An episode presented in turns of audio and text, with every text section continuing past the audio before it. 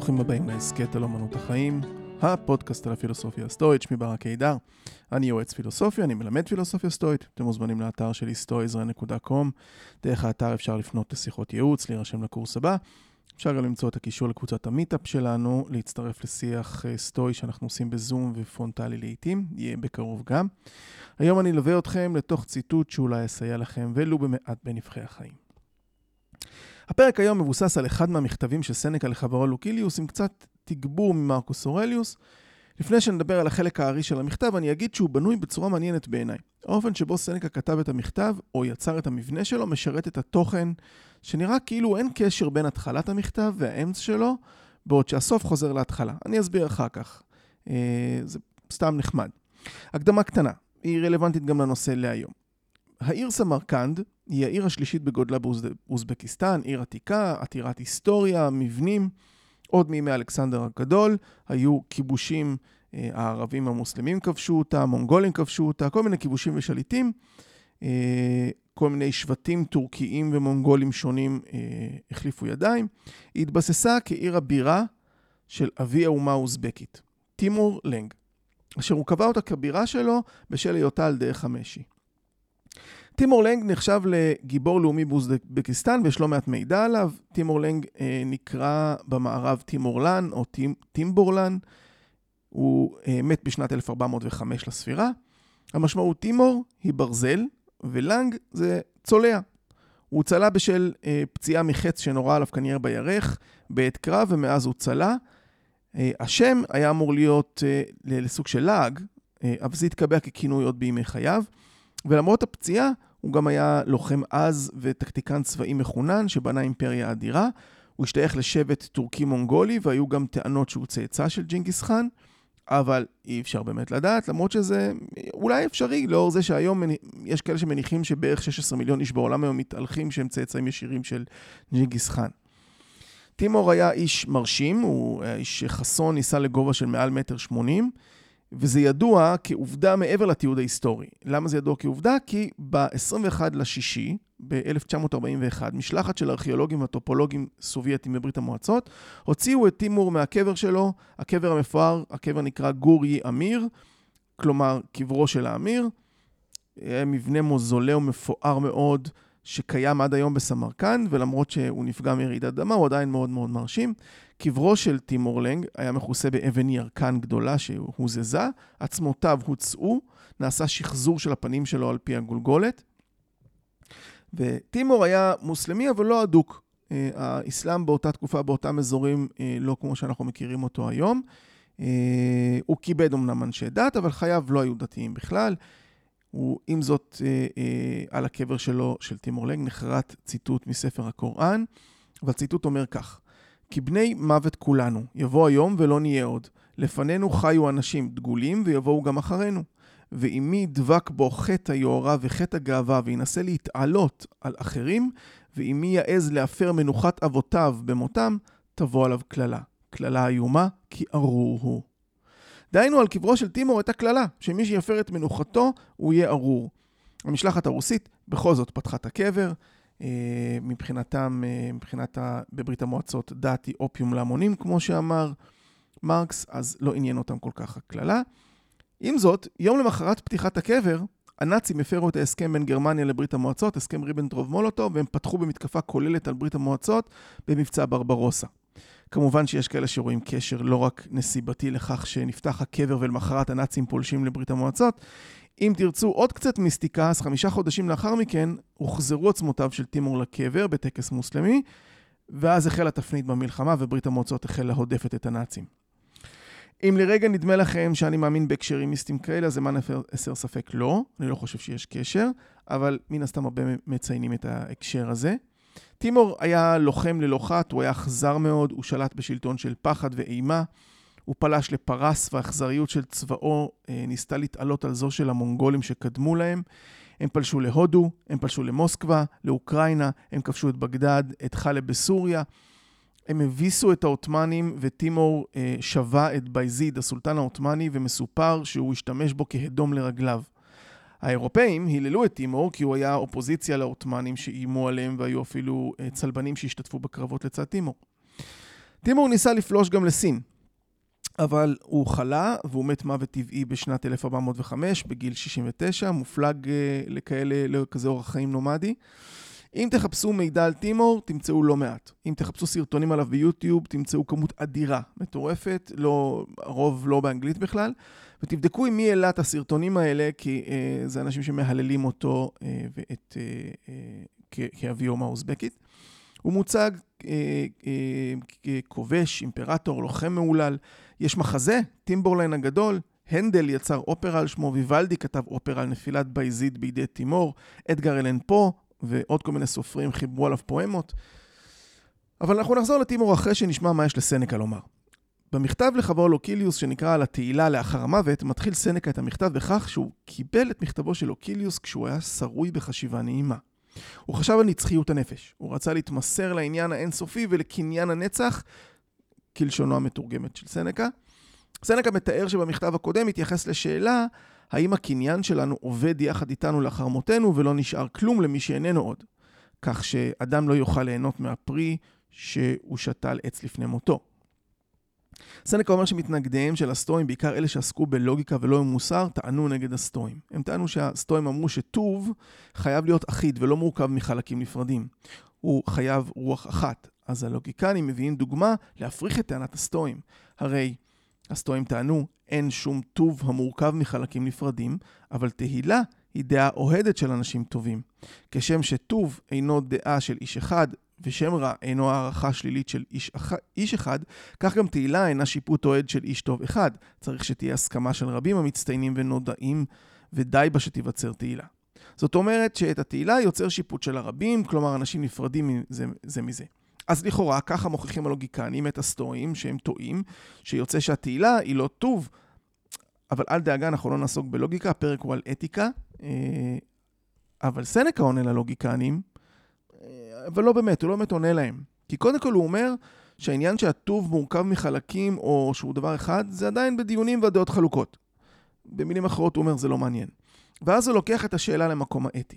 האם תהילה זקוקה למצביעים רבים? היא יכולה להסתפק בשיפוטו של אדם טוב אחד, הוא אומר. סנקה מכריע בוויכוח האם צריך שכמה אנשים ישבחו אותי, או שמספיק שיפוט של אדם טוב כדי שתהיה תהילה. ולהפך, כך גם לעניין שם רע.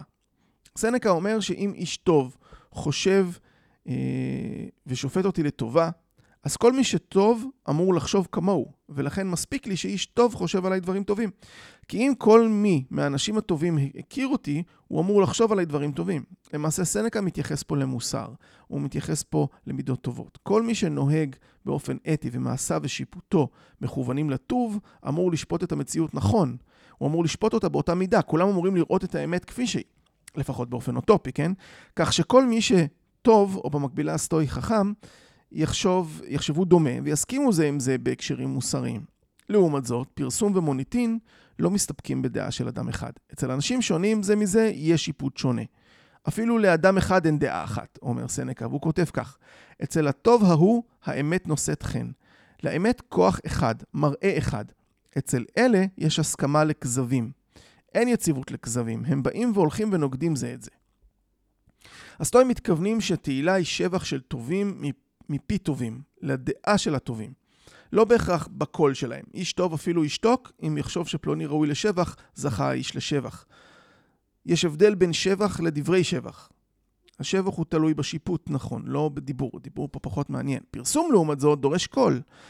אה, תהילה מסתפקת בשיפוט ולא חייבת ביטוי קולי.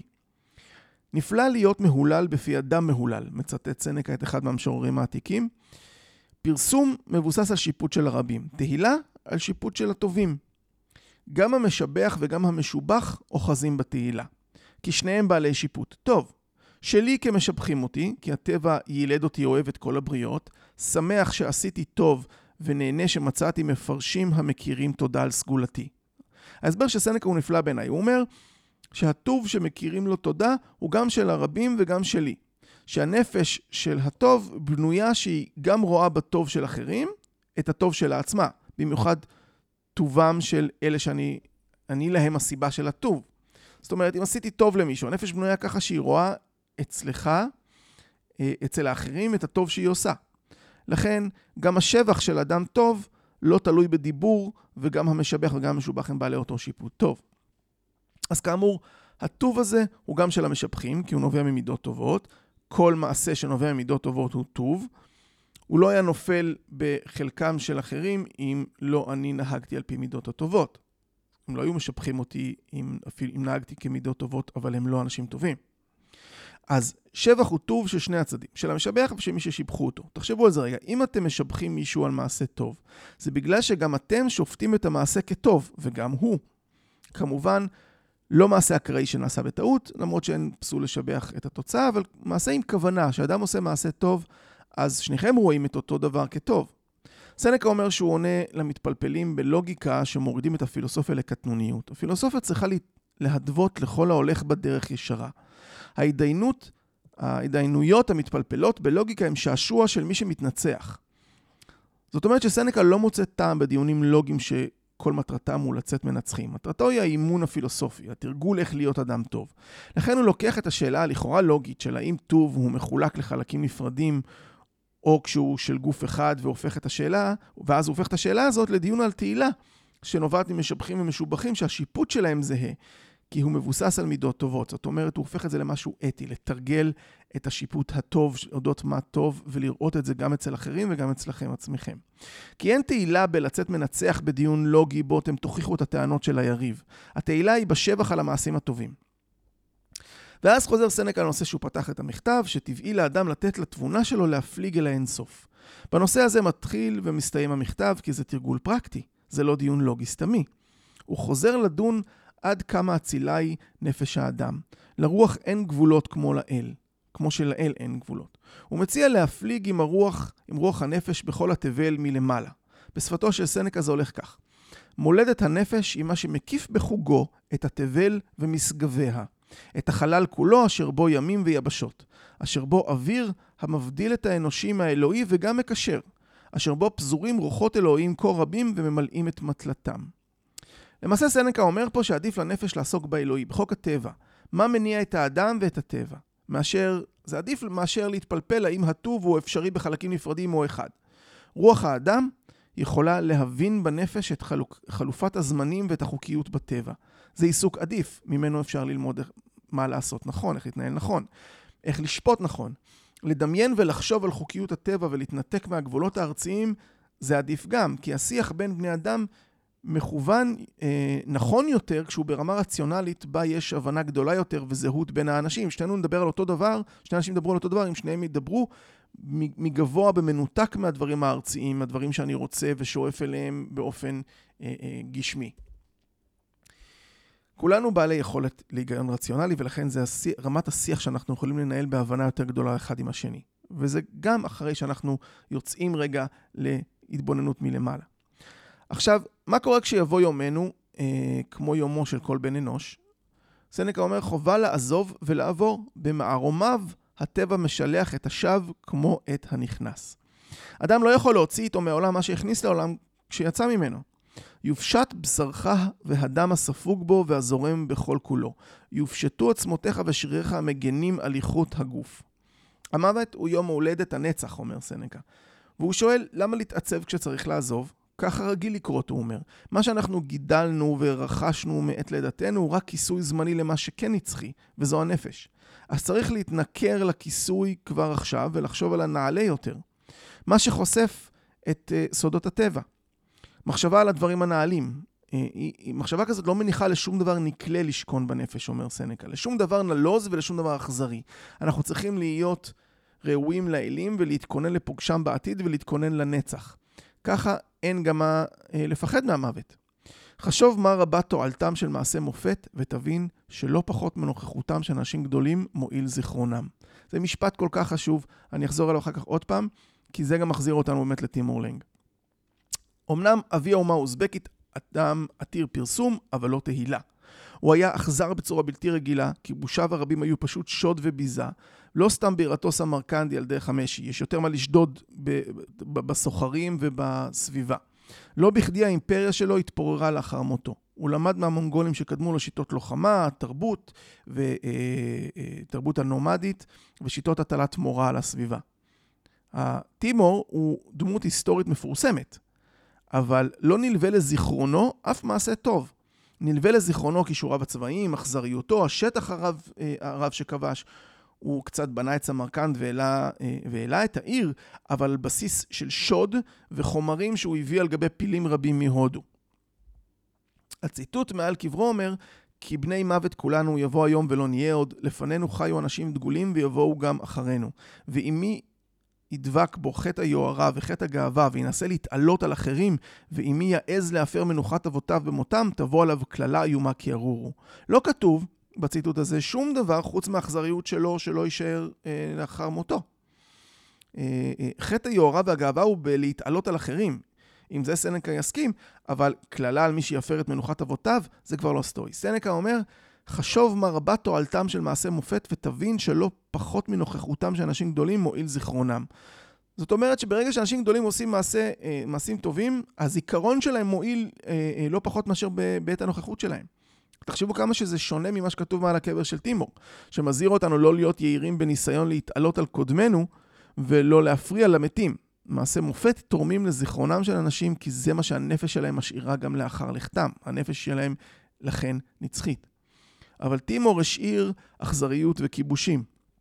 התהילה לא שייכת לכאלה, היא שייכת לאלה שעושים מעשים טובים. את זה כן אפשר לקחת אחרי המוות. את מה שתכבוש, תקנה, תייצר, תרכוש ותבנה, לא תיקח איתך לשום מקום. אבל מעשי מופת יישארו ותהילתך תישאר בהתאם. כי התהילה היא שבח של הטובים על טובים. ונביא לעזרה גם את מרקוס אורליוס, אה, כי אי אפשר בלי מרקוס אורליוס, והוא אומר בספר השישי של מחשבות לעצמי, אלכסנדר המוקדוני ומנהיג הפרדות שלו הגיעו בשעת מותם למצב שווה. או שנתקבלו שניהם כאחד אל תוך השכל היוצר של העולם, או שנתפזרו בשווה לחלקים קטנים בלתי מתחלקים. או שהם התפוררו למעשה, אומר מרקוס. והוא אומר כמו סנקה, שלאחר המוות הם חזרו לאלים, לכוח היוצר של הטבע. אנחנו לא ניכנס לשאלה המטאפיזית, אלא למוסרית. מה ערכם של כיבושי אלכסנדר מוקדון? מה ערך מעשיו, אם בסוף הוא לקח איתו רק את נפשו, אם היא אכן נצחית, בדיוק כמו שנהג הפרדות שלו, שגם הוא בעל נפש נצחית דומה.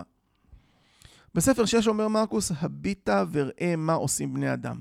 יש אשר הם מסרבים לתת שבח ותהילה לאנשים מבני דורם החיים עמהם, ובאותה שעה חושבים להם לדבר גדול אם יהיו בעצמם לשבח ותהילה אצל הנולדים אחריהם. אשר לא ראו ולא יראו אותם לעולם. ובאמת זהו כמעט כאילו התעצב איש על אשר הקודמים לו לא אמרו עליו דברי תהילה. מרקוס פה אומר לשבח את בני דורנו.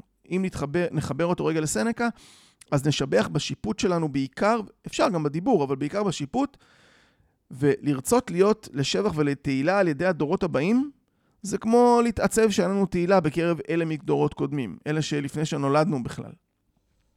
בספר הרביעי כותב לעצמו מרקוס, המשתוקק למצוא אה, באחריותו תהילות ותשבחות אינו חושב כי כל אחד מאלה אשר יזכירו את שמו, גם הוא בעצם ימות, וכך כל דור בא, עד אשר לאחרונה כל זכר יקווה.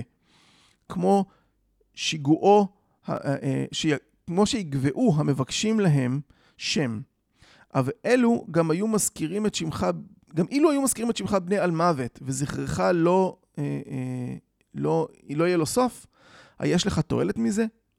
אינני אומר שאינו שווה לך כלום במיתתך. אבל אפילו בחייך, מה לך השבח? מה ייתן לך השבח? אם לא שאתה שואף ליתרונות שהוא מביא בחיים החומריים. הנך, הנח אפוא בעוד מועד את, המת, את המתנה היא המתנפחת, אשר יסודה בפטפוטים של אנשים אחרים, דהיינו הגאווה. מרקוס אומר פה, אין טעם לגאווה הזאת. היא לא נותנת, גם אם יזכרו את השם שלך לנצח, זה לא ייתן לך כלום, אה, גם לא בחיים שלך וגם לא במותך. ומרקוס כמו סנקה מדבר על להסתכל מלמעלה למציאות וללמוד ממנה את חוקיות הטבע, בדיוק באותו הקשר הוא מדבר על התהילה. אה, בספר תשע הוא רושם, ראה מגבוה את המוני בני אדם ואת מנהגיהם השונים. ראה את הנסיעות, אורחות ימים, בימי סופה וסערה, או גם ברוח מצויה. ראה את כל הנולדים, את החיים איתנו והחולפים מן העולם.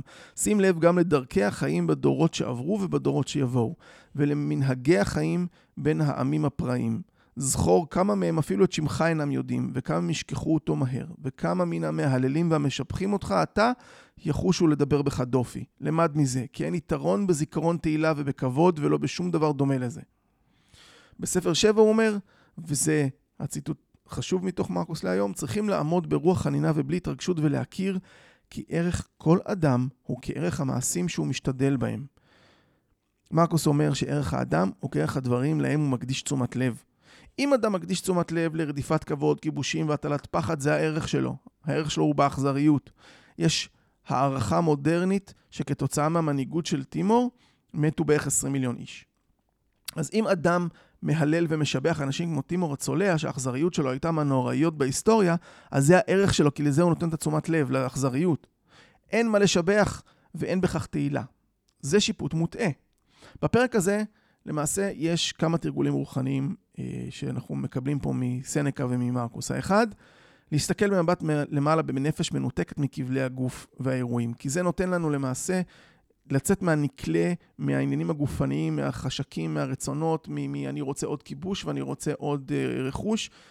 כשהנפש היא במבט מלמעלה, במנותק מהרצונות הגופניים והתשוקות האלה, ככה אני רואה את חוקיות הטבע והאדם באמצעות תבונה והיגיון רציונלי, במנותק מ, uh, uh, בצורה יותר נקייה.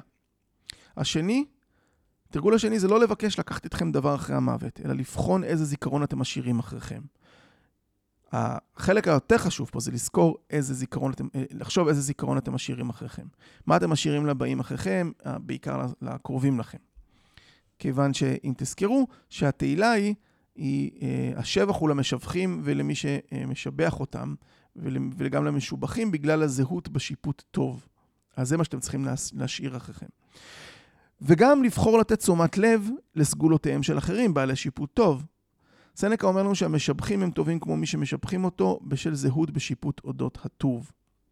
זאת אומרת שהעצה הסטורית היא שנכון שתקדישו תשומת הלב שלכם, כמו שמרקוס אמר, לסגולות ולמעשים טובים של אנשים, ותשבחו בשיפוט שלכם את מה שטוב. כי זה גם מחזק את הטוב שבכם. כי לזה אתם נותנים את התשומת לב, ולא לאכזריות של טימור. זה לא מעניין שהיה לו כישורים צבאיים. אז עד כאן להפעם, תודה שהאזנתם, אנחנו נשתמע בפרק הבא אם ירצה הגורל. היו בטוב.